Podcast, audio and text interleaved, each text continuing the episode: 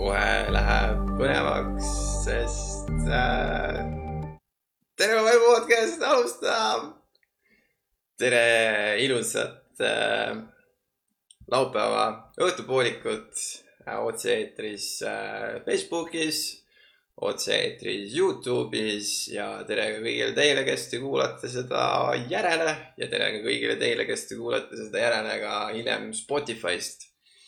mina olen Silver, Kleimon Leimon, kogemusnõustaja Silver ja minuga on täna saatesse tulnud kaasa Madis Laos. tervist, tere õhtust. ma olen ka kogemusnõustaja ja ka treener Madis Laos, just.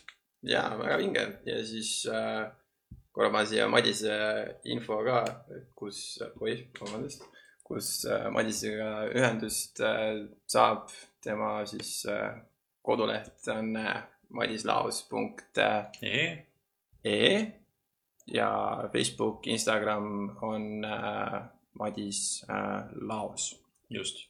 just nii. ja ma vaatan, et äh, meil on äh, esimene küsimus ka tulnud, kas äh, sellest minevikust lahti laskmise kohta ka veel videoid tuleb. ma arvan, et äh, ikka mingi hetk tuleb äh, neid, neid videoid ka.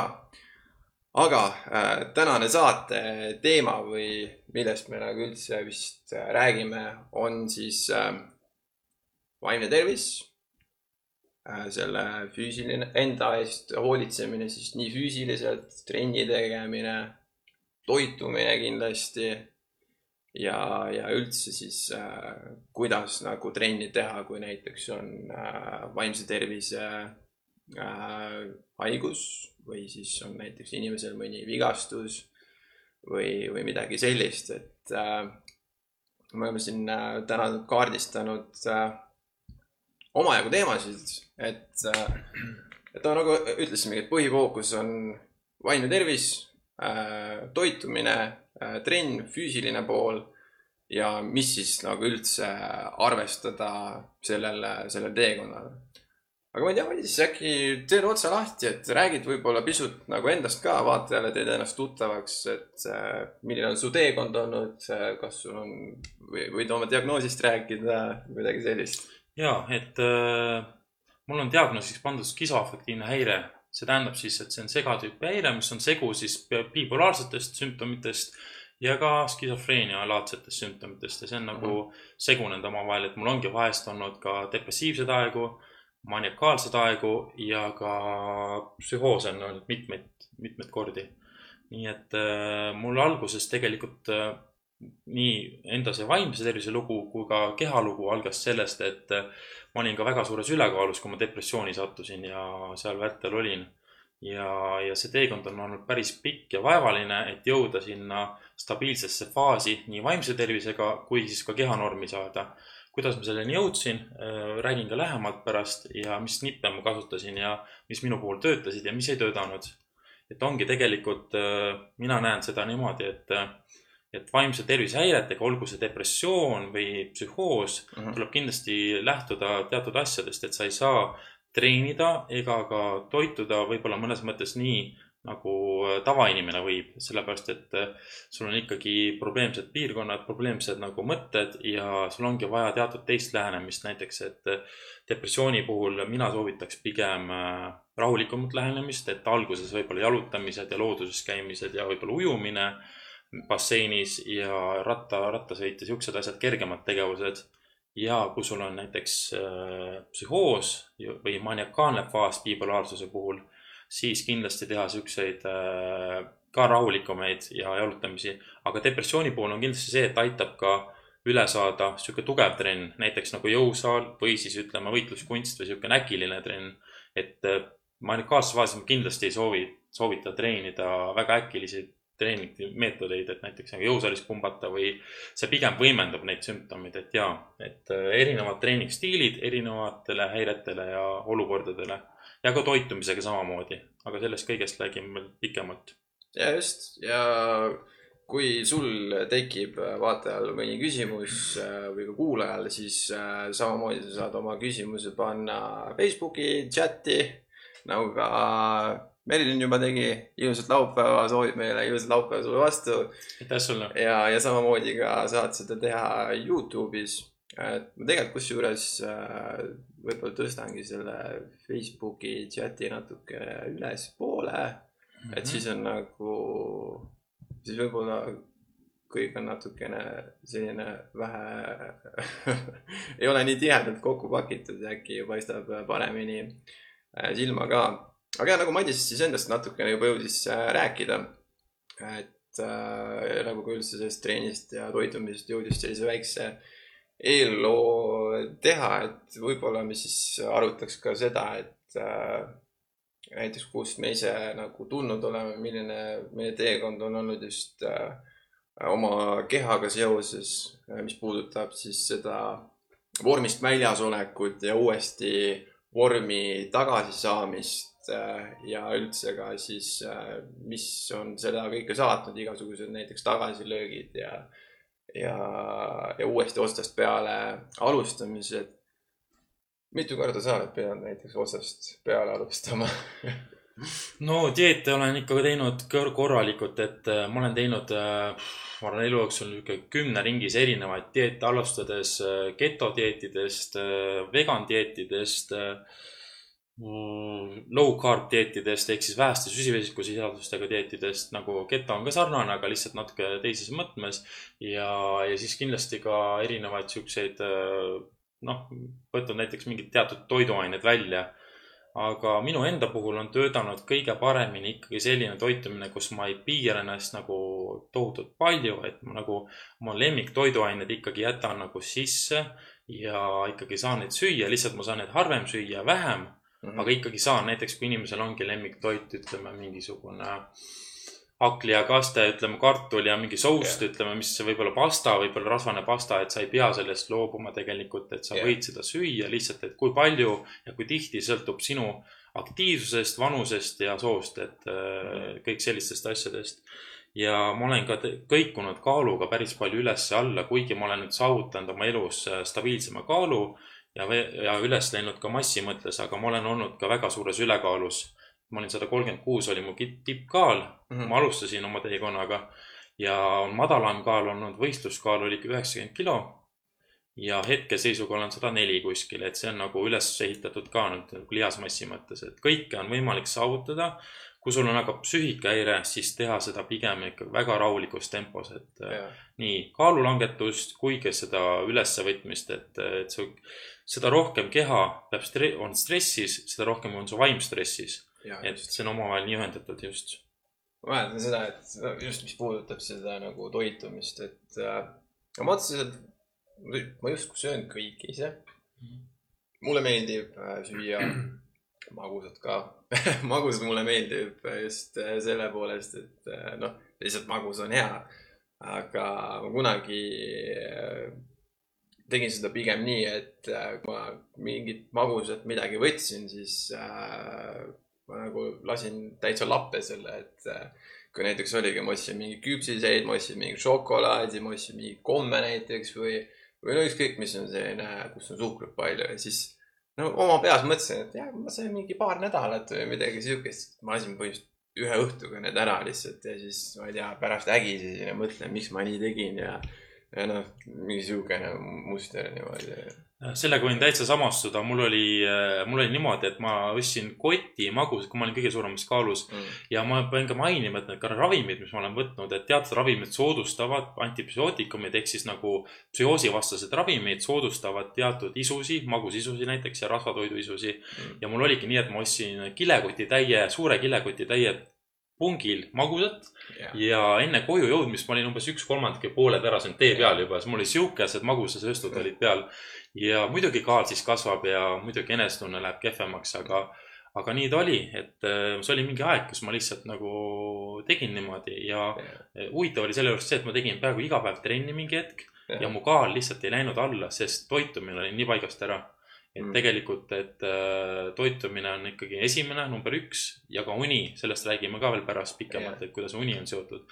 uni, toitumine nagu esikohal ja siis tuleb see treening, et treening nagu abistab seda protsessi, aga kindlasti ta nagu ei ole number üks, et äh, toitum-, selles mõttes sa ei jõua üle treenida oma selle halba toitumist, et sellega on see teema küll, jah. ja just. ja no ütleme niimoodi, et näiteks äh, kindlasti paljud mõtlevad nii või, või keda tabab selline, no ütleme saatus siis, et tuleb nagu vaimse tervise haigus, tuleb näiteks depressioon või tuleb ärevushäire või tuleb mõlemad korraga või, või näiteks skisofreenia, skisoafektiivne häire ja noh, neid võib küll tegelikult loetlema jääda. et alguses ongi see, et nagu sa saad selle diagnoosi, eks ole. ja siis, siis on nagu see, et aa, et miks mina ja mis ma üldse teen ja siis pole nagu seda infot, et kuskilt nagu räägitakse, et tee seda, tee toda ja nii. ja siis võib-olla see ei seostu kuidagi et kui, kui nagu ongi see, et diagnoos tehakse kindlaks ja sa oled seal nagu täitsa alguses, onju, et sa hakkadki uuesti elama, sa hakkad uuesti õppima. ma mäletan, mul oli, ma ise nagu tundsin seda, okei okay,, nüüd on kõik läbi, ma ei tea, mida üldse teha. et kust ma üldse alustan, et noh, kõik ütlevad näiteks, et kindlasti tee trenni, see on kasulik, see annab sulle seda dopamiini serotoniini, kõiki selliseid asju, onju. aga kui sa oled alguses, siis tundub nagu kõik nii nagu suur või üldse nagu kust pihta hakata, et. kas üldse on mõtet nagu et ja selles algusfaasides, kui oled depressioonis on üliraske nagu võtta isegi kellegi nõu kuulda, isegi kui see on lähedase ema või isa või mm. venna nõu, vahet ei ole. et äh, nad soovivad sulle head, aga sa nagu ei võta seda vastu, sa ei taha seda kuulda kuni lõpuks on lihtsalt see, et äh, noh, minu puhul nagu aitaski see, et ema tuli mm. ja ütles, et kuule, et nüüd aitab sellest voodis istumisest päevad läbi, et tule lähme käe kõrval teeme väikse jalutustiiru, vaata ja siis see töötas, et muidugi raske ja muidugi puksisin vastu, aga, aga lõpuks läksin. lõpuks jõudsin ka sinna jõusaali ja sealt hakkas vaikselt nagu ülesmäge minema, aga, aga see oli ka väga pikk teekond, ma ütlen, et olen elu jooksul ilmselt haiglates veetnud äh, seitseteist korda ehk siis mm. nagu kuu aega korraga, see on nagu poolteist wow. aastat oma elust olen, üle pooleteist aasta oma elust olen olnud haiglas.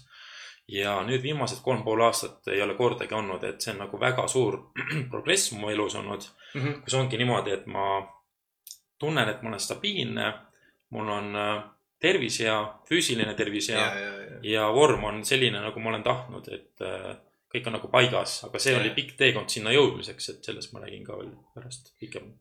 mul on ka nagu, kui nagu vaatan tagantjärele üldse seda oma teekonda, noh, alates haigestumisest ja üldse nagu, mis oli enne haigestumist ja nüüd nagu jõuda siia stabiilsuseni, siis noh, ikka on need mõtted, et jaa, muidugi ma teen, ma teen kõik asjad ära panedki endale mingi meeletu listi kokku, mida sa nüüd kõike tegema hakkad ja siis, kui on see alustamise hetk, siis on võib-olla see, et nagu seda kõike on liiga palju, lihtsalt, et toitu õigesti, liigu äh,, hoolitse enda mingite pisidetailide eest ja siis äh, lõpuks võib olla lihtne nagu käega lüüa üldse, et äh, lähed sinna samamoodi auku tagasi uuesti ja võib-olla jäädki niimoodi eksklema mõneks ajaks, onju aga nii nagu sa ütlesid, et mingi hetk käib see nagu see, see plõks. et nüüd on aeg, nüüd ma hakkan midagi tegema, aga et see ongi just see sinna jõudmine, noh, et see võib olla meeletult pikk, samas mõnikord, ma ei tea, läheb mõni päev või nädal onju ja hakkad asjaga pihta, et äh, see on, see on päris põnev ja huvitav, kuidas nagu need teekonnad on üldse. tõsi jah, ja minu puhul on kindlasti aidanud ravimid ka, et mm. kui mul depressioon oli, et siis äh, ma algul ei tahtnud ravimeid võtta, antidepressante, aga ja. ikkagi, kui ma hakkasin neid võtma, siis ma tundsin, et kui alguses muidugi ta kõrvalmõjud ja ta ei mõju kohe aga kui olid mõned kuud möödunud, siis ma tundsin, et midagi nagu teistmoodi, ma tundsin, et nagu need mustad augud ei ole enam nii mustad ja, ja ma tundsin, et mul on võimalik äh, Äh, sealt midagi edasi teha, et ennem oli täiesti niisugune, kus ma olin oma mustades mõtetes ja ma ei tahtnudki sealt väljuda, mulle meeldis seal mustades mõtetes olla. ma otsisingi Google'ist välja võimalusi, kuidas nagu otsa peale teha ja. kõige lihtsamal viisil. ja, ja, ja iga päev oli see nagu algus, et ma mõtlesin, et okei okay,, et eile leidsin siuksed moodused, vaatame, mis täna tuleb, et äkki leian midagi huvitavamat ja lihtsamat aga õnneks äh, need ravimid mingi hetk hakkasid töötama ja siis ma tundsin, et ikkagi ei ole see elu nii must, kuigi mul olid ikkagi mustad mõtted, aga ma suutsin natukene organiseerida oma mõttemaailma. jah, nagu ravimid üldse, noh, ega ma alguses, kui ma, noh, mul on minevik on ju hästi palju juua alkoholi ja teha mõnuaineid, siis kui ma neid ravimeid hakkasin võtma, siis mul oli ka see, et nagu noh, ma ei tea, mul oli niisugune kahetised tunded ja siis, kui ma võtma hakkasin neid, siis ma ootasin nagu seda, seda kiiret ahelreaktsiooni, et kuidas ta mõjuma hakkaks, aga nüüd, nüüd ma vaatan ravimitele niimoodi, et nagu ega see ravim üksi mind ju tegelikult äh, ei päästa ja ega ta ei tee mind äh, nüüd, et mul hakkab kõik hästi minema nagu ma olen aru saanud, siis see ravim nagu aitab äh, sümptomeid vähendada, et sa saaksidki hakata millegagi pihta ja et sa võib-olla ei katkestaks või ei lööks käega.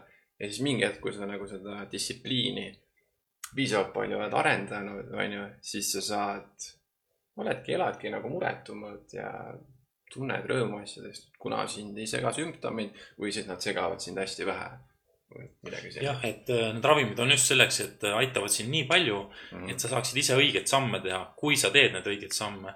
et Jah.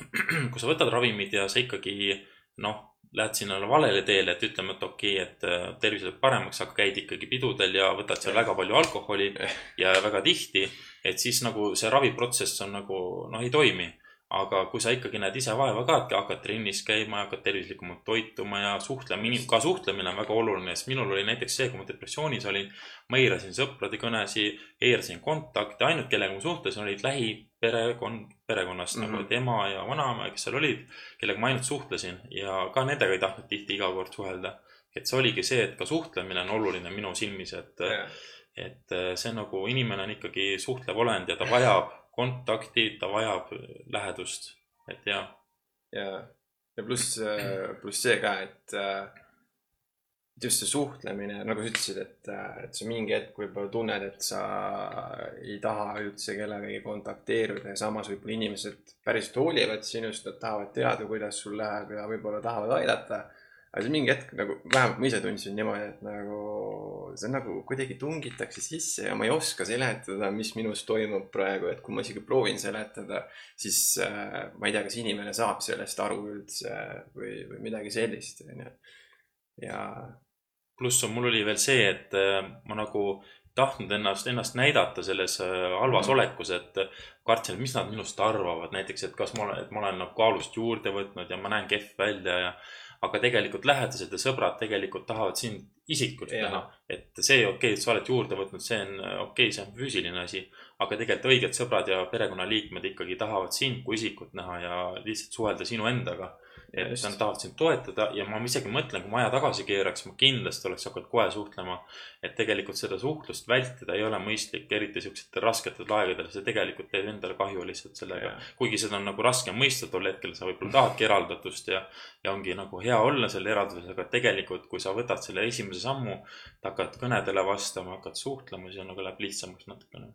mulle meeldib seda, et siin see chat äh, läheb järjest elavamaks, et äh, kui sa praegu vaatad, sa tunned, et sul on nagu just mingi küsimus, mis puudutab toitumist või üldse füüsilise treeningu poolt, siis anna aga tuld.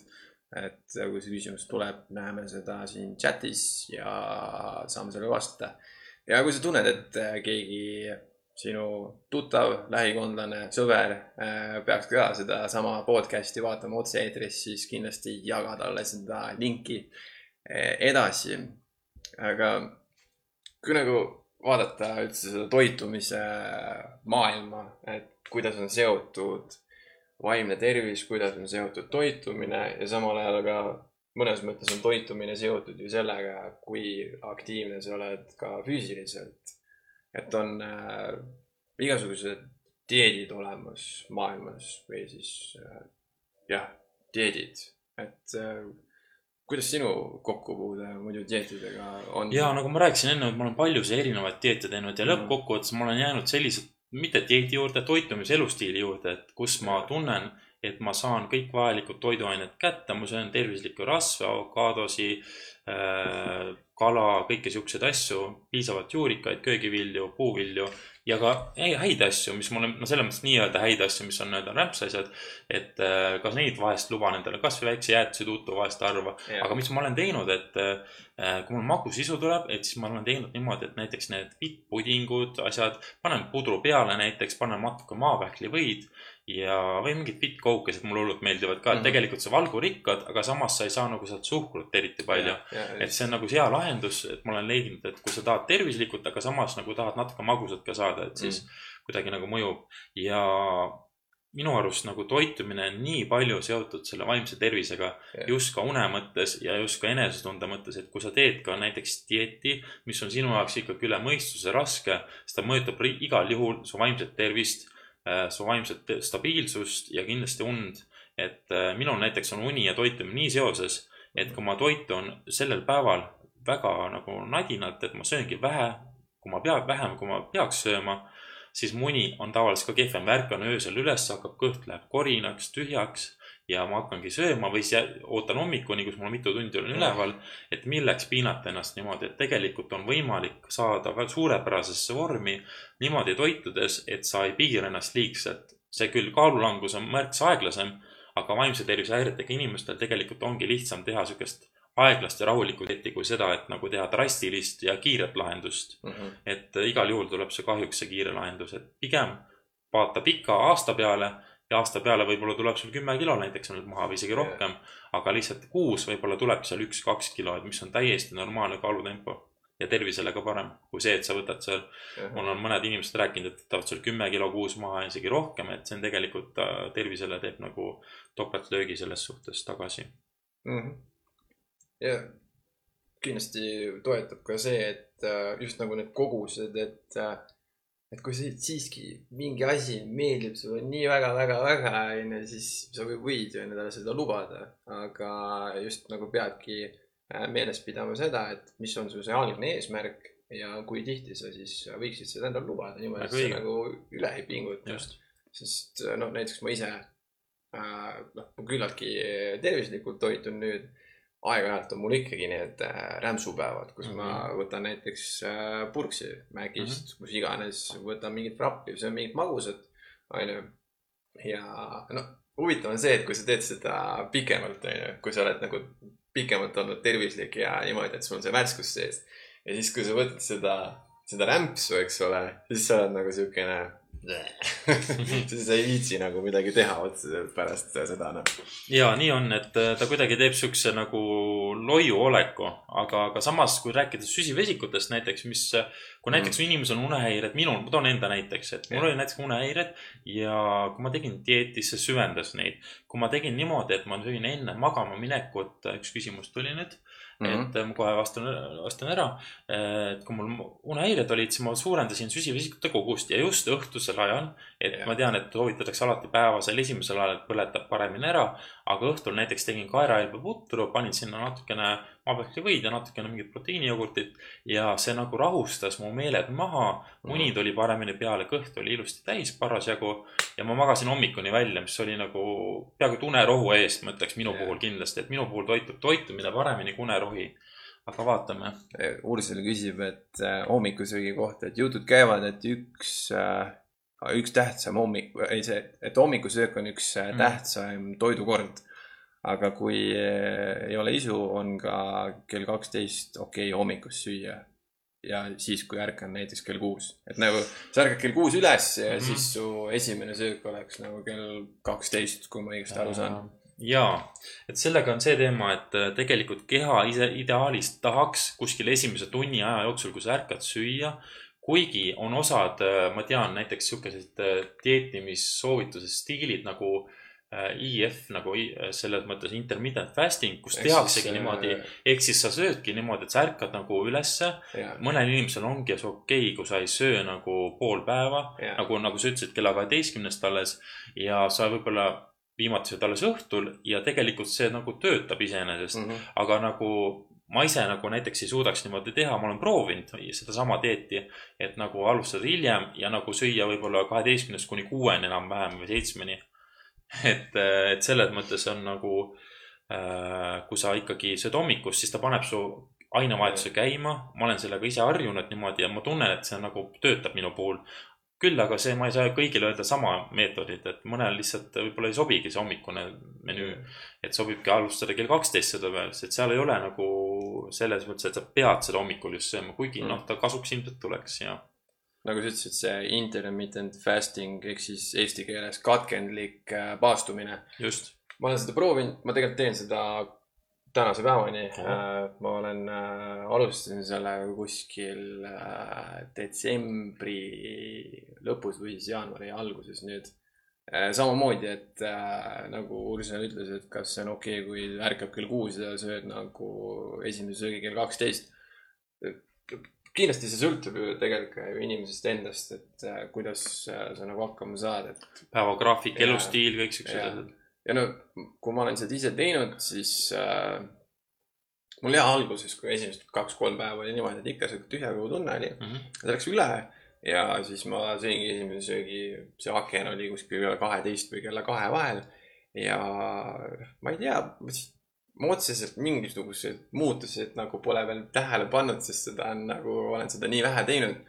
aga üks asi, mis ma olen nagu tähele pannud, on see, et äh, ma olen nagu, ma olen nagu värskem või nagu sihuke rohkem valmis. aga võib-olla see lihtsalt minu enda organismi eripära ainult, aga ma ei tea.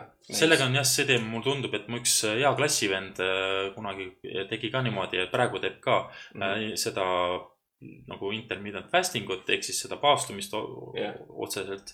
ja siis ta, tema nagu, tema on suurepärase vormi niimoodi näinud, et tema ka vist teeb niimoodi, et ta sööb alles kaksteist päeva umbes ja siis kella kuueni lubab endale toitu, eks ta sööb mingi kaks-kolm heinet, aga need heined on nagu suuremad kui tavalised ja ta on meesterahvas ja ta ongi nagu noh, teeb ka trenni ja ta on suurepärases vormis lihtsalt selle tõttu, et ta teeb seda ja tema on väga rahul sellega.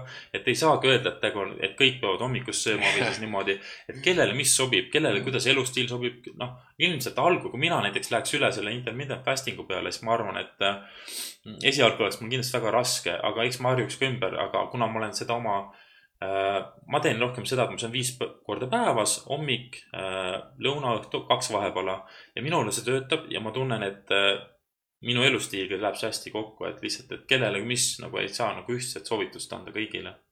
ehk siis äh, kõik taandub ikkagi sellele, et äh, kui mingi otsus teha, mingi Mhm. teatud, kas siis toitumiseelistuste või siis äh, mitu korda päevas inimene sööb, onju, et tuleks ikkagi siis nagu jälgida, kuidas see endale mõjub, et kui ta hakkab, avaldab mingid sümptomid näiteks, et sul on võib-olla, ma ei tea, pea hakkab ringi käima, et sul on madal veresuhkur või mis iganes, onju.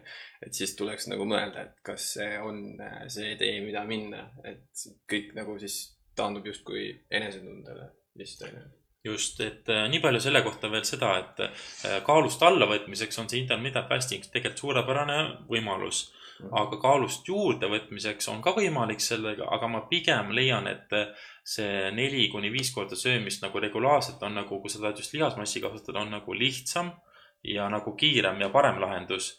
aga see on ka individuaalne, et äh, ütleme, et pigem tundub, et kaalust alla võtta on nagu selle meetodiga kindlasti väga hea, et sul on nagu põletamisprotsess on pikem ja võib-olla kalorid jälgida on ka lihtsam, aga lihtsalt see, et massi kasvatada on jällegi natuke raskem, mitte Mhm. võimatu kindlasti, kindlasti mitte, aga natuke raskem kui nagu selle regulaarse toitumisega, et sa söödki nagu igast kolme-nelja tunni tagant just. näiteks, et sa saad nagu Jaa. seda valgu äh, sünteesi nagu Jaa. kiiremalt kätte ja nii edasi.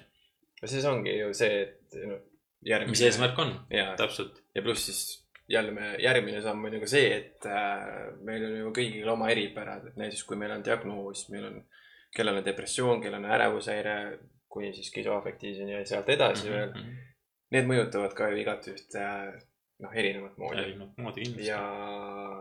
mõne diagnoosi puhul võib olla see, et söögisu kaob üldse ära näiteks ja võib-olla teisel inimesel on see, et tuleb meeletu isu just peale ja, ja see on ka nagu väga varieeruv, et äh, mida nagu siis arvestama peaks, et kui on nagu just, no näiteks mõnel isegi diabeet näiteks mm, Mm -hmm. -hmm.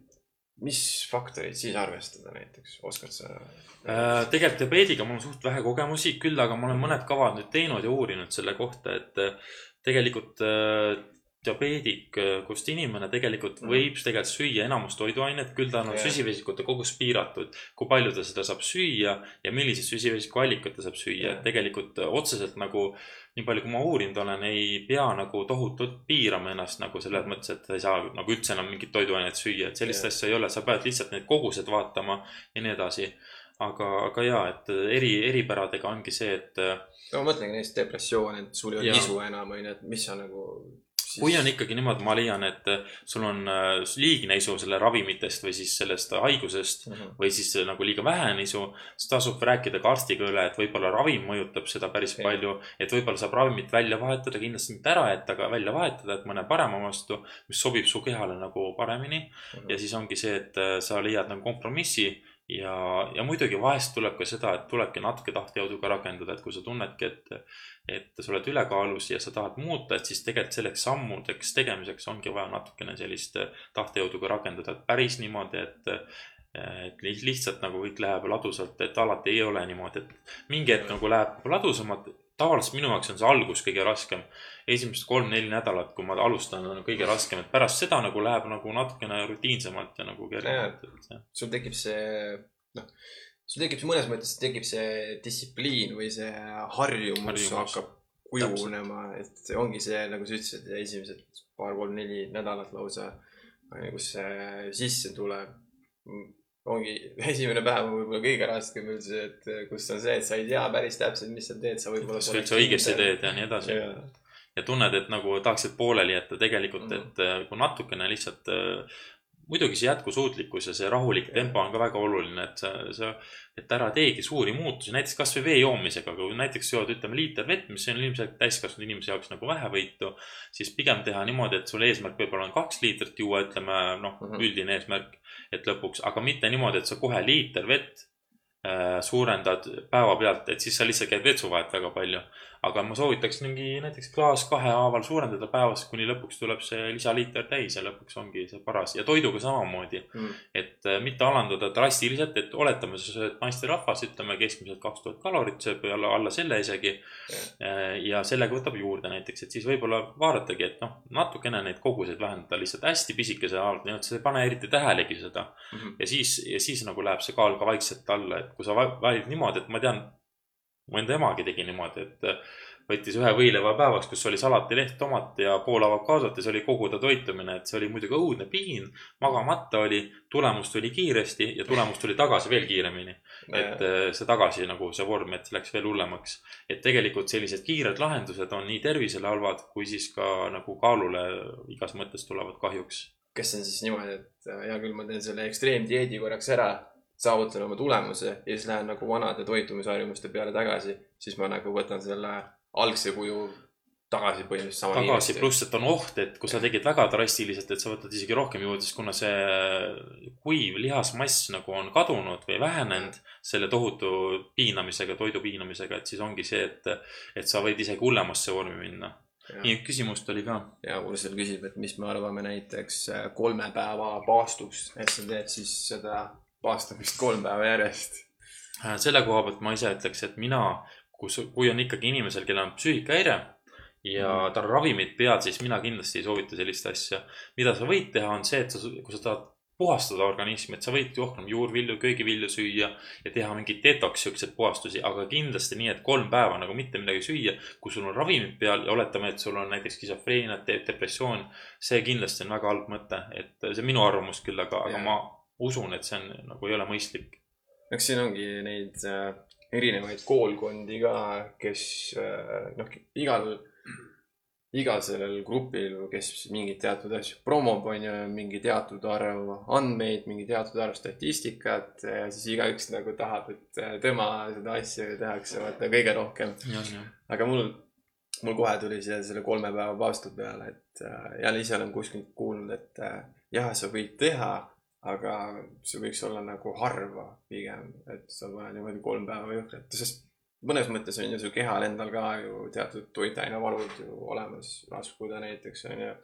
no kui see, kuidas see protsess on täpselt, et kõigepealt hakkab keha rasva tarbima jah, see sõltub, et kui drastiliselt teha, et ikkagi tegelikult alguses, kui sul on ikka väga niimoodi paastu peal, siis ta läheb yeah. ikkagi võrdselt, läheb nii rasv kui lihas, et et äh, rasv läheb ka kindlasti, aga selle arvelt läheb ka palju lihast, sest seda drastilisem on dieet, seda rohkem läheb sul lihasmassi kaob ära ehk siis oletame, et kui sa ei söö üldse yeah. kolm päeva, et siis tegelikult selle mis sa võtsid, ütleme mõned kilod alla, esimene, kõige rohkem muidugi on vedelik, alguses läheb mm -hmm. vedelik, puhas vedeliku tasakaal läheb, läheb väiksemaks, siis on rasv ja lihas ja siis ongi nii, et see võib-olla viis kilo võtad selle alla, ütleme neli-viis kilo võtad kolme päevaga, kui sa üldse ei saa, minu puhul isegi võib-olla rohkem. Yeah.. et eh, siis ongi see, et sellest võib-olla kolm kilo moodustas, ütleme vesi, kolm pool kilo, ma lihtsalt pakun niimoodi.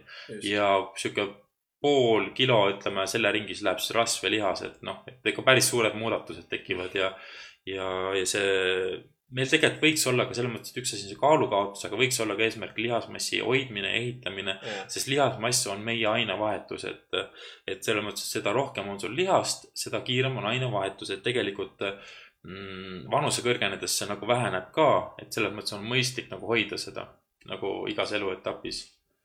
jah, nii on vist kõige viimasena, noh, kui on see näiteks ekstreemnälja olukord, kus ei olegi süüa, noh, täiesti hüpo-, lihtsalt äh, fantaseerime natukene, läheme, et kas see on raskud ja lihased ja siis kõige viimase asjana vist võtab keha oma organid põhimõtteliselt söögiks, eks ole. just organid äh, ja siis äh, mingi hetk lähevad, ennem seda lähevad veel luutihedus läheb väiksemaks mm., sellepärast et keha on juba nii palju kurnatud, rasvavarud on juba vähenenud, lihasmass on vähenenud, võtab luutiheduse, et sul luud lähevad hapramaks ja lõpuks on ka see, et äh, läheb organite kallale, aga no see on juba noh, koonduslaagri teema, et, et, et sihukesele maale jõuda, sa pead ikka väga ennast piirama ja, ja niimoodi dieeti tegema, et äh, söögi praktiliselt midagi, nagu umbes koonduslaagris oli, et ma lugesin seda raamatut äh, Man's Search for Meaning ehk siis äh, seal oli see Viktor Frankl rääkis just sellest, kuidas ta sõi supi päevas Le, leem oli ainult üks hernetera oli siis, et tal vedas, siis tal oli hea päev, kus ta sõi ühe hernetera, et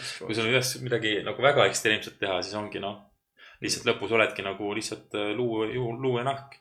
aga see on muidugi pika ajaga ka, et sellise, sellise tulemuse, noh, see on juba sihuke poole aasta nälgimine või isegi sõltub mõne pool rohkem, et, et jah.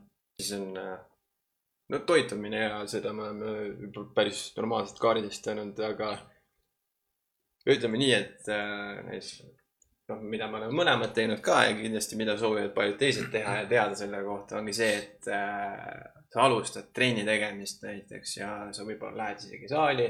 võib-olla, kes teeb enda keha raskustega üldse, kes lihtsalt võtab, et olla füüsiliselt aktiivne, hakkab jalutama et äh, on igasuguseid harjutusi olemas, soovitusi ja ma olen ise seda teinud, et ma olen endale liiga teinud, et äh, mis oleks nagu sinu sellised tarkused, kuna sa oled sellega hästi pikalt tegelenud, üksteist aastat vist juba. kaksteist pool. kaksteist pool, on ju. et äh, kuidas endale mitte haiget teha selle trenniga või mis koormus üldse mm -hmm. alguses valis, valida, kui sa oled just alustaja? kui sa oled alustaja ja kui me räägime ka psüühikahäiretest, siis tegelikult koormust tuleks võtta võimalikult väikene, et ma tean, et alguses võib-olla isegi tahaks nagu, tahaks rohkem push ida, äkki kiirem tulemus ja nii edasi.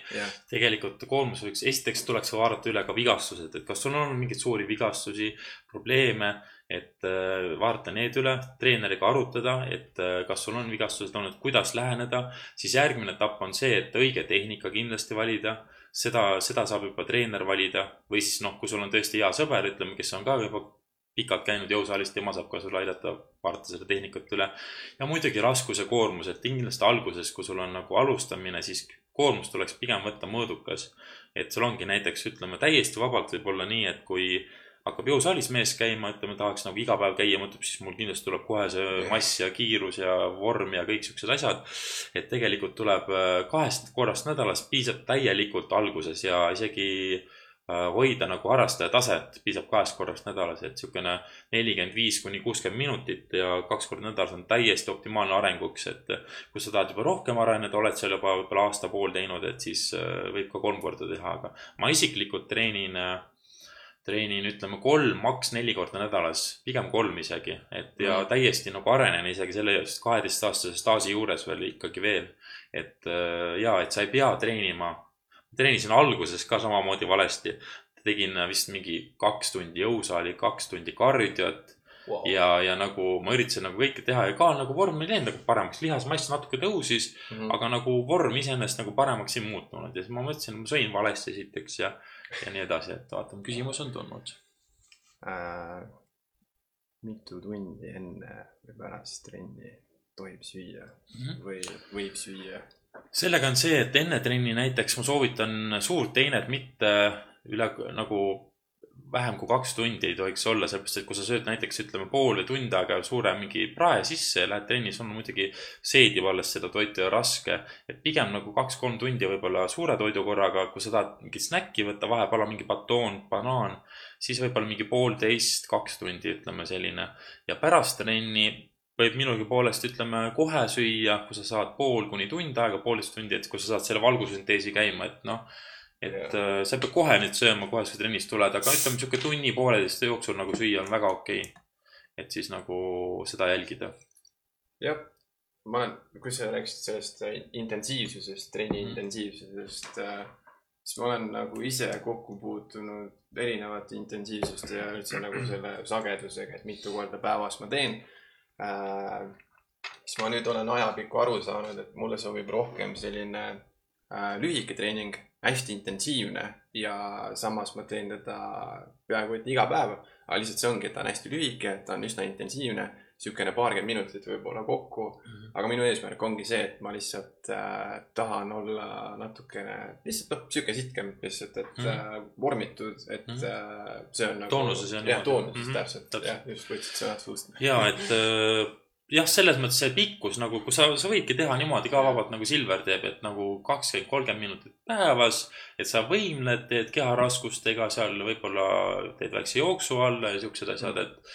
et võib ka seda sellist moodi läheneda, aga kui ma rääkisin nagu jõusaalitreeningust, Jah. siis korralikust jõusaali, siis pigem seda alguses üle kahe korra mitte teha, et nagu Mhm. eriti kui sa oled veel nagu, sul on veel psüühikahäired, et see kaks korda nädalas, et äh, piisab täiesti alguses, et aga samas, kui sa teed keharaskustega kergemalt, aga nagu noh, ütleme lühemalt, et siis võib ka vabalt nagu iga päev teha, et see sõltub koormuse tugevusest, kui tihti sa võid teha seda koormust. täiesti sellest sõltub. ja siis lõpuks on see, et on ju, kui sul on see toitumine, eks ole, hakkab paika minema, sa hakkad äh, enda füüsilise poole eest hoolitsema, ehk siis oled füüsiliselt aktiivne, teed trenni, siis peaks nagu lahenema ka see järgmine tahk, et äh, see üldine see enesetunne või siis iseendast see lugupidamine. enesekindlus ja. ja täpselt. tegelikult äh, olgem ausad, kui sul on ikkagi vaimse tervise häire, siis su enesekindlus äh, alguses vähemalt ei ole kõrge. et eriti, kui sul on see depressioon, ütleme, saad selle skisofreenia diagnoosi veel lisaks, et siis on nagu no lihtsalt noore mehena, noh, sul ei ole seda enesekindlust ja võib-olla keha on ka käest ära ja kus sa siis võtad seda.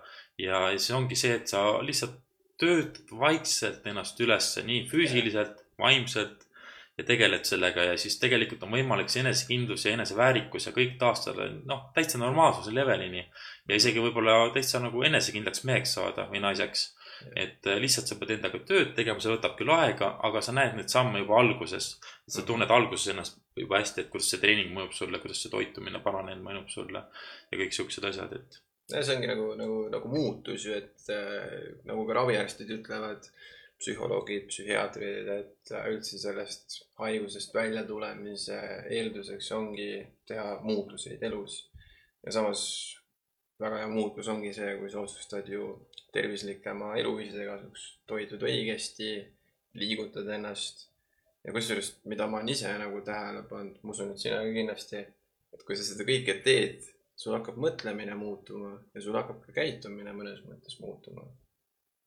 jah, see mõte on nagu selgem ja sa nagu äh, no esiteks, kui sa, ma tun- tundsin seda, et kui mu füüsis paranes, ma tahtsin ka, et mu vaim areneks juurde, ma hakkasin võtma koolitusi juurde, ma hakkasin rohkem lugema ja, ja nagu see toetavad üksteist nagu, et see füüsiline treening paneb mõtte paremini tööle ja see vaimne treening nagu see nagu tugevdab ka seda füüsist, et sa saad teadmisi juurde ja, ja see on nii kooskõlas omavahel, et ka vaimse tervisega, et kus sa ikkagi tegeled iseenda arendamisega, siis see vaimne tervis ka tegelikult äh, stabiliseerub. pluss on see, et mida rohkem sa oled olnud selle oma haigusega kimpus, et sul tekib tavaliselt, kui sa vähegi uurid infot ja oled huvitatud sellest arengust, siis tegelikult haiguskriitika ka paraneb, et sa tunnedki seda, et, et sa oled teadlik endast, sa tunned iseenda keha rohkem, nii füüsiliselt kui vaimselt, sa tead, mis sulle sobib, mis sulle ei sobi ja oskad nagu, oskad nagu sellega tööd teha. ja, et sa saad nagu sellise pildi endast äh, selgemaks, sa tead, kus on võib-olla sinu piirid, sa saad teada, mis sa ei tohi kindlasti teha ja mida sa just võiksid. ja ma ise oma taastumise juures olen saanud nagu sellise mustri või moto, et äh, kui ma tahan midagi muuta enda juures, kas siis näiteks ma võtan mingi eesmärgi või ma tahan näiteks oma mingit teatud käitumist muuta. Kui ma lihtsalt tahan seda käitumist muuta, davai, ma homsest enam nii ei tee, siis see on nagu ta ei jää püsima. aga kui ma teen seda läbi teadmiste hankimise, ehk siis ma teen mingi uurimistöö näiteks äh, kuidas äh, paremini magada läbi selle, et äh, aru saada oma kehast, et äh, milline päevarütm mulle sobib ja nii. siis nende uute teadmistega on see uus käitumismuster nagu tunduvalt kergem vastu võtta, kui lihtsalt lambist käitumist muuta.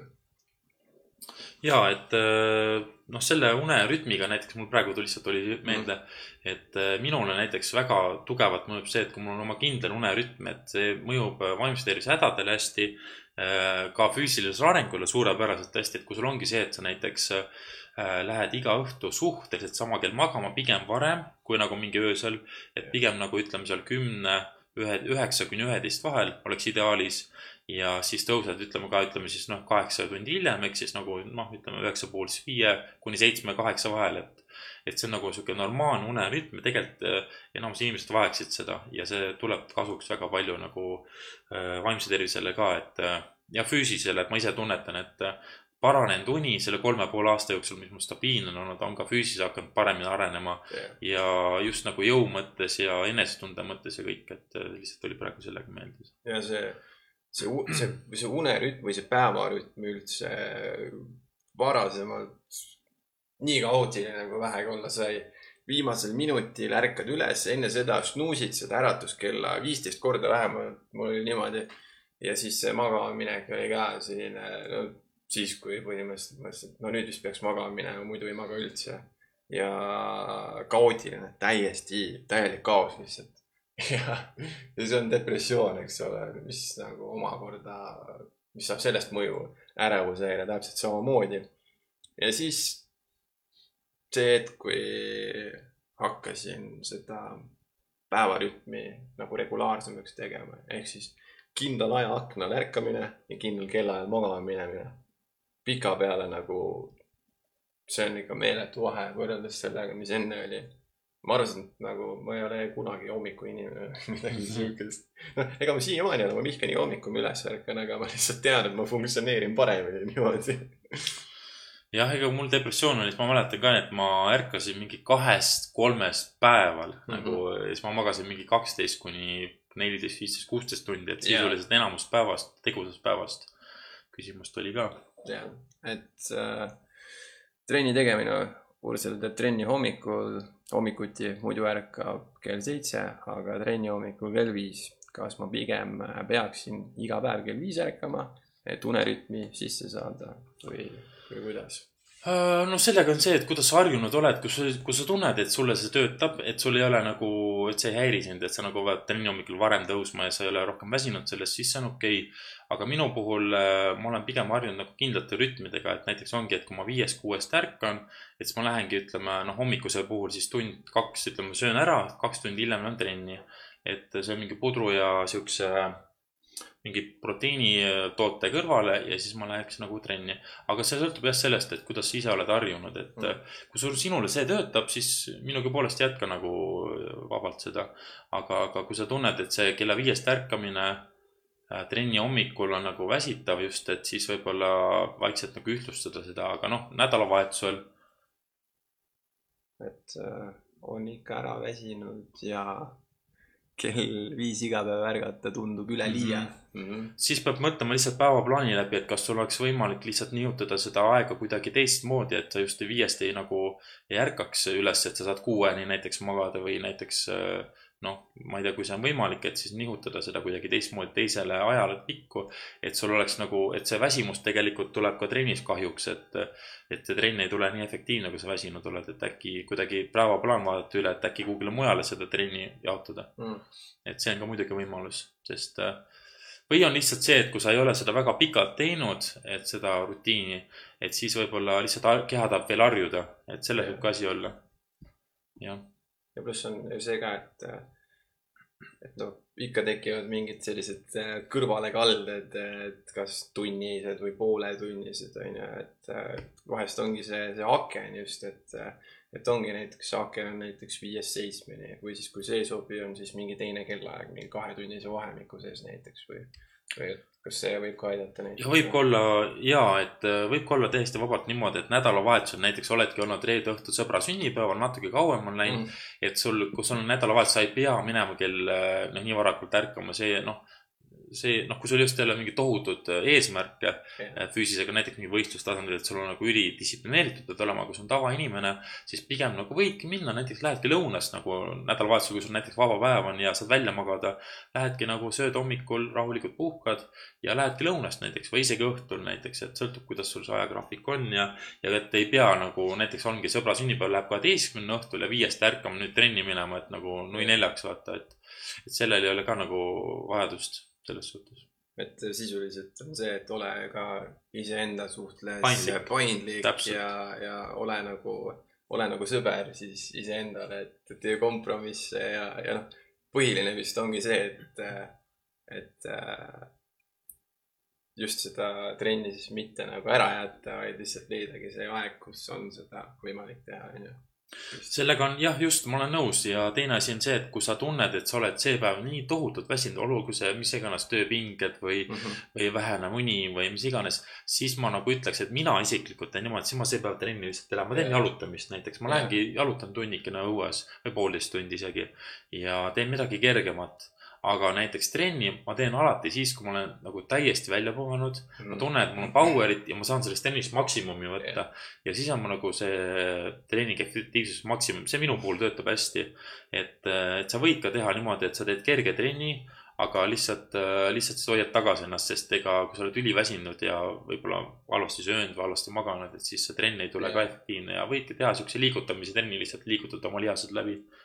ja, ja mul on see üks äh, hea see nõustamistehnika ka, mis ma nõustamiseks kasutan mm, -hmm. Mhm. on see, et äh, nagu sa ütlesid, et äh, noh, mul on need mitte nulli päevad, et kui näiteks sa pole päev otsa mitte midagi teinud ja Mhm. siis kell on kakskümmend kolm, viiskümmend üheksa, sa teed ühe kätega kõverduse Mhm. mm., sa oled midagi vähemalt teinud ja sul on see motivatsioon enda suhtes äh, alles, aga see on ka väga huvitav lähenemine ja miks mitte, muidugi. ja, teema läheb äh, edasi, väga lahe, ja, et äh, ja et nädalasisestest päevadest oli juttu just, teen üle päeva ja nädalavahetusest teen ka siis, kui ärkan. nädala siis üle päeva ja, et eh, eks sa pead, see on tunnetamise asi kinni, vaata iga inimene, organism on erinevad ja tervised, et, et sa peadki vaatama, et kui sulle see ikkagi ei sobi, et sa mõnel päeval nagu ärkad varem, mõnel päeval hiljem, et siis võib-olla ühtlustada seda tempot või vaadata see päevaplaan läbi, et aga see on väga tubli, et sa jalutad iga päev tööle viis kilomeetrit, see on, see on circa ütleme viis kilomeetrit, ma jalutan umbes tunnik äkki või, sest äh, ütleme vi- viis kuni kuus kilti tunnis ma keskmiselt jalutan ja see on tund aega, see on täitsa mõnus, mõnus vahemaa. et äh, kindlasti väga kasulik nii liikuvusele kui südamele ka, et see on äh, ainevahetus natuke kiirendab ja, et see on väga hea. ja, ja pluss, kui sa teed seda veel edasi-tagasi, et mm. -hmm. jala tööle, jala töölt tagasi, siis see on juba kümme, onju. ja, et see on väga hea. Ma ise olen ka kõva jalutaja just sellepärast, et, et noh, nii nagu ka trenni, kui trenni teen, siis aktiveerub see hea keskus ajus, kus sa põhimõtteliselt lülitad ennast nagu kõigest välja. ja jalutamisel on see, et äh, kui jalutad, siis su silmad hakkavad käima vasakult paremale. Inglise keeles on siis äh, lateral eye movement ja sellel on üks suurim rahustavamaid efekte, et sa aktiveerid selle mandeltuuma kuidagi, need teised ajukeskused lähevad käiku ja siis see on selline meditatiivne pool. minu jaoks on ka see kõnn nagu täiesti meditatiivne, kus mu mõte läheb nagu paremini tööle ja mul tulevad head, head ideed isegi sel ajal. ja, et tunnike jah, no seda ma arvasin jah, et see viis-kuus kilti tunnis on sihuke keskmine hea tempo. jah, bussiga tõesti tipptunni ajal ja kindlasti täitsa, täitsa võimalik jah, et kusjuures samamoodi, kui ma ise päevatööd teen, siis mm. -hmm. vaatasin ka äh, ühistranspordi plaani, et ma jõuan bussiga koos ümberistumistega jõuaksin viiekümne kuue minutiga, Google'i järgi muidugi mm. mm, -hmm. aga kui ma olen jala, siis äh, ma saan mingi nelikümmend circa natukene peale äh,. ka umbes sama distants, sihuke neli koma seitse kiltsa mm, Mhm. midagi siukest. no vot jah, täpselt. et et vahest tasubki jalutada, ja kui ilm ka vähegi lubab väga meditatiivne mm. mm. -hmm. tegevus. kuidas me selle uneteemaga äh, on, me räägime- pisut rääkisime. pisut rääkisime toitumisest ja selle seosest küll, et äh, uni on nagu päevarütmist päevarütmist, et tegelikult uni peaks, minu silmis on nagu uni number üks, siis tuleb see toitumine, treeningud ja muud asjad, et, Mhm. et kui sul on uni paigast ära, siis ega sealt ei tule midagi muud ka välja, need toitumised ja treeningud ei tule ka nii efektiivsed ja ja, ja kõik muu kannatab, et algul tuleb see uni, kõigepealt uni korda saada, sest tegelikult need, kui sul on vaimse tervise häire ka, need sümptomid Jah. lähevad hullemaks, et kui sul uni on kehvasti ära, et sest tavaliselt see uni on üks esimesi sümptomeid, kui läheb kehvemaks tervis. jah, ja mis on tihti une juures ka see tähelepanematu asi, et äh, kui me inimestena magame äh,. no kui näiteks tekivadki sellised esimesed ärevuse momendid või tuleb selline depreka moment, et äh, nagu mina arvasin, ma hakkasin jooma, sest ma mõtlesin, et sihuke naps aitab mul magada. kuigi tegelikult äh,, mis on alkohol nii-öelda definitsioonina on ta tuimesti, ta aitab sul paremini teadvust kaotada. aga unekvaliteet kehvemab ja kõvasti veel. ja pluss ongi see, et äh, see uni on katkendlik, ehk siis sa ärkad võib-olla üles sügavast unest mitu korda, sa võib-olla ärkad üles REM-unest mitu korda. Ainuke asi on see, sa ise ei mäleta seda, sest sa ei registreeri seda. ja siis võib-olla ongi järgmine päev selline pea paks, ei saa võib-olla keskenduda hästi. ja siis võib, võidki jätkata seda noh, napsutamist või mis iganes asjade tegemist, on ju, et paremini magada. mis tegelikult taustal on hoopis see, et sa magad veelgi ebakvaliteetselt. nii on jah, isegi kohvi tegelikult vahetult enne und, no sõltub inimesest, aga enamuselt ikkagi vähendab ka kvaliteeti, muidugi mitte nii palju kui alkohol, Mhm. aga teatud nagu toiduained nagu noh, teevad nagu ka võib-olla pigem head ja mõned kehvemaks, et, et et selles mõttes mina nagu olen leidnud, et minule mõjub hästi just selline naljakas nagu lihtne asi, pudel Jah., vaata kaherelva pudel, nelja vilja vahet ei ole. ja ma panen sinna natukene seda maapõhkivõid ja, ja panengi mingi lisavalgutoote ka juurde ja siis ongi selline hästi nagu rahustav, minu puhul see töötab nagu minu jaoks, kui valida kas unerohi või toitumise muutmine, siis Jah. pigem nagu toitumine mõjub isegi kordades paremini, aga noh, see pole minus ka, aga ma tean, et see mulle mõjub hästi. Üks äh, selline trikk on ka, et äh, mida õpetati kaitseväes, on see, et äh, sa iseennast, kui sa tahad magama sundida, siis see on suht võimatu. aga oled tähele pannud seda näiteks mõnikord, kui sa, nad hakkavad juba ära kustuma, siis sa võitled nii jõhkralt, et nagu üleval püsida ja siis järgmine hetk on see, kus sa ärkad ülesse. ehk siis, ehk siis see, et see, kuidas paremini magada, võib-olla ongi see, et sa, sa võitled, et sa tahad üleval püsida, aga seevastu vastupidine reaktsioon on see, et sa võid magama jääda. Kas see iga kord niimoodi on, seda ma ei oska garanteerida, aga see võib töötada mõnedel kordadel. ja ei no kindlasti, kindlasti on võimalik niimoodi, et lihtsalt sa oled juba nii väsinud, aga sa nagu võib-olla tahad natuke edasi raamatut lugeda või Netflixi vaadata ja siis lõpuks tuleb see paks uni peale, et et äh, kui sul üldse und ei tule, et siis pole mõtet seal voodis ka väherda lihtsalt, et siis võib-olla võtage näiteks ideaalis ongi äh, see võiks olla mingi huvitav raamat, aga mitte nagu üli nagu raske lugeda, et võib, sõltub olukorrast, kui, milline see uni on, aga mõnes, mõttes on isegi keerulist nagu raskem lugeda, et siis tuleb võib-olla see uni paremini peale, aga samas kui liiga huvitavaks läheb see raamat, siis on võib-olla see, et nagu intrigeerib ja Erutab- üles vaata just jah, ja et jah pluss see ka, et äh, ärevus näiteks, kui sul on ärevushäire või, või isegi noh, vahet ei ole depressioon või Mm. mõni muu. see on see, et äh, kui sa oled ise omaette oma peas, siis sa hakkad ketrama mingeid teatud asju siis see võib raskendada magama jäämist. ja siis näiteks, kui sa kuulad midagi hoopis, näiteks mingi podcast või midagi siukest. Muidugi ei soovita seda regulaarselt teha, sest mingi hetk su keha harjub ära sellega, et tal on vaja mingit stiimulit, et magama Mhm. jääda. aga see võib aidata, siis äh, noh, näiteks ongi nagu sa ütlesid, vaatad Netflixi ja mm. -hmm. siis ka tahab silma ära kustuda. Mhm. et see on see, et sa enam ei mõtle nagu ise, sa ei pane ressursse, vaid sulle nagu kuvatakse mingi asi või tuleb mingi heli, mis paneb sulle selle pildi ise kokku, siis see võib olla nagu uinud äh, paremini, midagi sellist. Aga samas, kas sul on kunagi sihukest asja olnud, et äh, sa oled nii väsinud, aga sa oled nii väsinud, et magada lihtsalt. et sa oled nii väsinud, et sa ei saa magada ka. jaa, mul on seda olnud küll ja eriti kui mul unehäired olid, siis ma olin Jah. nagu, ma põhimõtteliselt olingi mingi seitseteist või kaheksateist, kui mul olid nii rasked unehäired, et ma äh, enda arust ma ei maganud üldse, ilmselt ma mingi tunnika kaks päevas ikka magasin öösel mm.. Mm. aga mul oli siuke tunne, et ma olin kogu aeg üleval ja siis mul lõpuks oligi siuke tunne, et ma olen nii, nii tohutult väsinud ja mul ikka seda und ei tulnud ja, ja nagu see oligi väga raske nagu, aga noh, sellist asja ei tohi ravimata, siis on ilmselt vaja juba tugevamalt sekkuda, et kui on nagu toitumine võib-olla on paigas, aga lihtsalt nagu nii tõsised unehäired, siis tasub ikkagi vaadata üle. mul ei olnud tol ajal mingit ravimit peal, sest ma ei olnud avastatud seda haigust jah, jah. ja siis, kui ma ravimid peale sain, siis tuligi see uinumine. aga muidugi see unerütm ka, et sul on iga õhtu kindel unerütm, mul on praegu näiteks selline, et ma uin on viie minutiga umbes, viie Jah. maks kümne minutiga, siis mul unerütm nii paigas. Ja see aitab päris palju. et unerütm just, et kui sa oled selle paika saanud, siis on väga lihtne nagu magama jääda, sul lihtsalt tuleb näiteks ütleme kell kümme õhtu, laks tuleb uni peale ja sa jääd magama. jaa, et kui sul just mingid tõsised pinged ei ole, näiteks tööpinged ja perepinged mm. -hmm. või mingeid õnnetusi juhtunud, et mis on nagu muudavad su elu. et siis nagu tavaolekus tuleb sul ikka uni ikka hästi peale, et vot jah. sama on ka, ise olen tähele pannud seda, et nii kui selle unerütmi või selle päevarütmi sai paika, Mhm. siis äh, näiteks mu- minu magama jäämine ongi kella kümne ja siis äh, kaheteist vahel on see Mhm. aken. ja nii kui kell kümme saab, juba hakkab haigutamine pihta automaatselt lihtsalt. küsimust oli ka. kuidas üleväsinu on uinud? sellega ongi jah, et äh, sõltub, kui raskeks see on nagu kujunenud sul.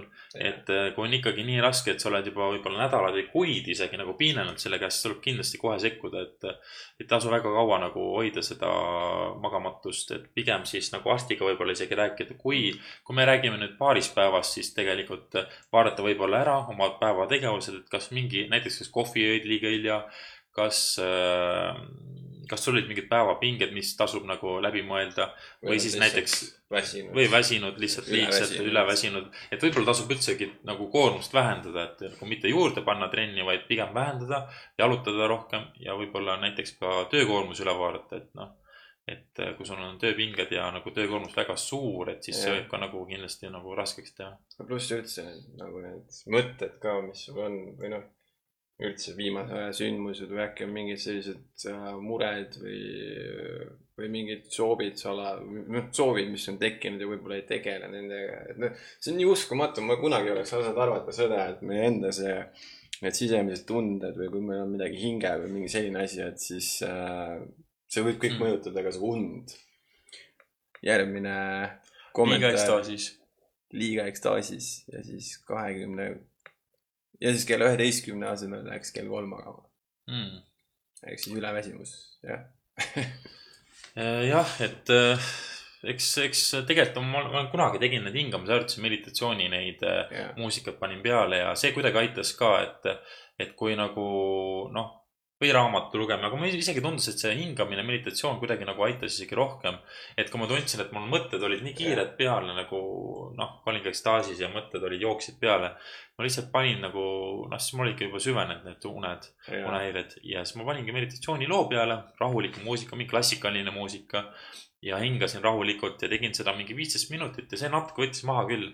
ja see aitas nagu uinuda, et äh, võib-olla sihuke variant on, võib-olla töötab. ja kindlasti jälgida üle, et, et ütleme neli, isegi kuus tundi enne uinumist oleks nagu siukene juht on, et siis pigem ei mitte kofeiini juua või üldse alkoholi ega midagi sellist.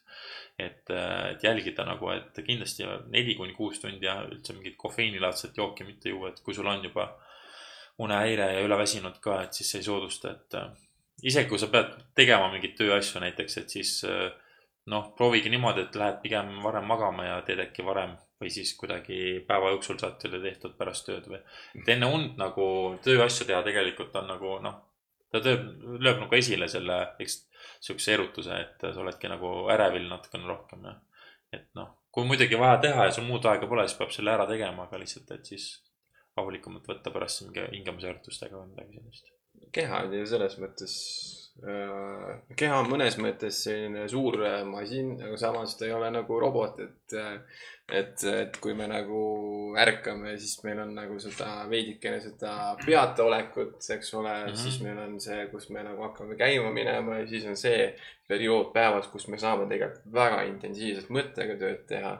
ja siis kuskil mingist hetkest alates päevast tuleb see langus, kus me ei saa enam nii intensiivselt keskenduda. Võib-olla mõnda aitab seal väike siukene jõuhinnak, power nap vahepeal. ja siis sa saad selle korraks intensiivse perioodi tagasi.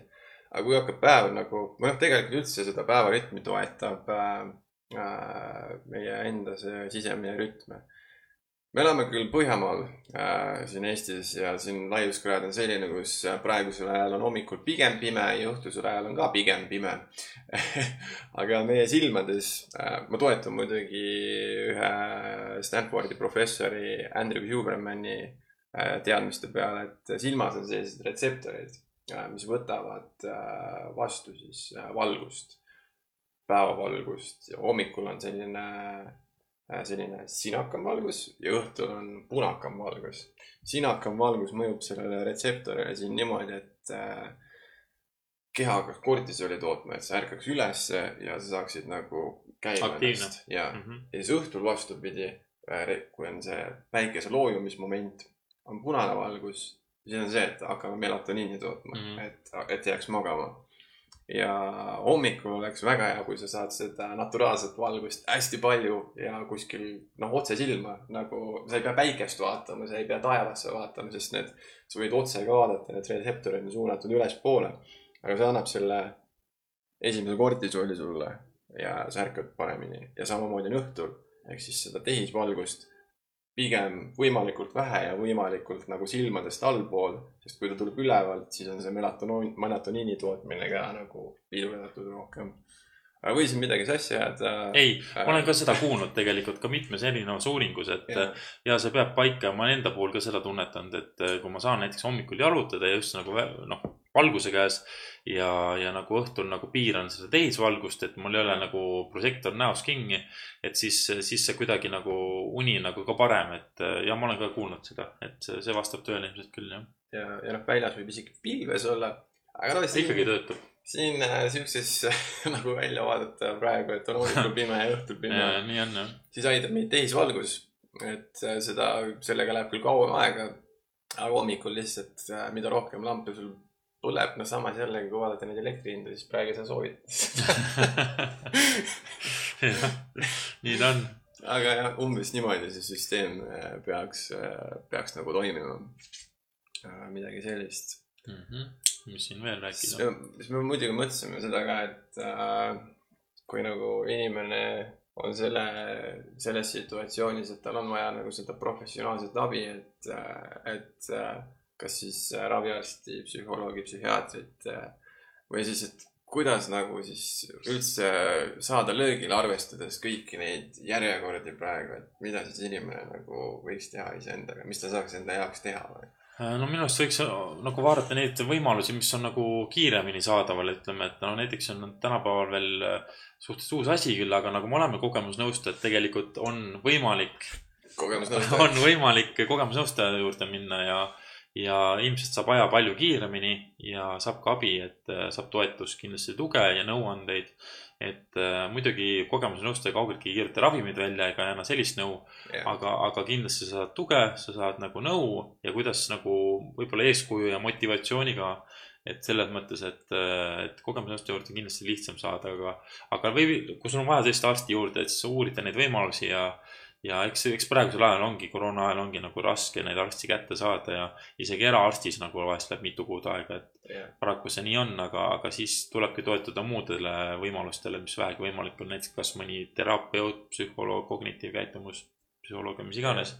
teraapia vormis on või kogemusnõustaja, väga hea variant ka, et, et mida tegelikult tänapäeval veel suhteliselt lapse kingades, aga vaikselt nagu läheb üles, et mulle tundub, et, et lihtsalt kaaluda neid erinevaid võimalusi, et ja mõelda, et kuhu minna.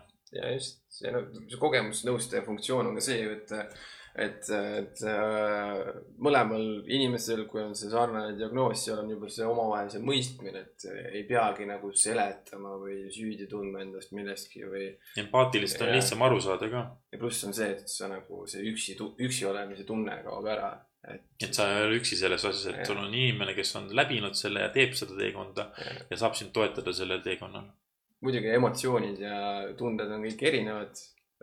ja näiteks noh, nagu näiteks sinugi rõõmus on teine rõõmus kui minu rõõmus ja kurb, nii edasi. aga me saame sellest ideest aru, et näiteks kui me räägime depressioonist, pakuvad mõlemad teame, mis tunne see on, me oskame seda mustas augus olla, täpselt. Ja siis ongi see ilma rääkimiseta mõistmine justkui ja toetamine, tugigrupp äh, ja üldse võib-olla see motivatsiooni hoidja ka samamoodi. et sul on lihtsalt, sa saad rääkida lihtsalt saad tühjaks rääkida enda, enda mure kurta täpselt niimoodi, nagu see on. ja. ma arvangi, et äh, tänaseks tõmbame saate otsa kokku. kui soovite Madisega ühendust saada, siis Madise, Madise koduleht on olemas siinsamas ja samamoodi ka tema Instagram ja Facebook, kus saab sinuga ühendust just. võtta. Ja muidugi ka tegelikult meiliaadress on vist eesnimi, perekonnanimi, et. eesnimi punkt, perekonnanimi, at gmail punkt com jah, et Just. aga seal madislaus.ee, seal on kõik info olemas, et seal on ka see kontaktivõimalus parem. emailid ja kõik muud asjad. ja, ja siis äh, järgmise podcast'i arvatavasti ka üks laupäevane õhtupoolik äh,. Tema sünnib otse-eetris taas kord äh,. aitäh kõigile, kes te kaasa mõtlesite, küsisite, kommenteerisite seda nii Facebookis kui ka Youtube'is ja kindlasti sina, kes kuulad seda ja vaatad järele. aitäh, et olid ka äh, meiega ja Spotify kuulaja, kes sa kuulad seda tagantjärele, siis äh, aitäh sulle ka ja kohtume äh, juba äh, järgmises äh, Terve Vaim podcastis, olge mõnusad. aitäh ja, ja ilusat õhtut. tšau.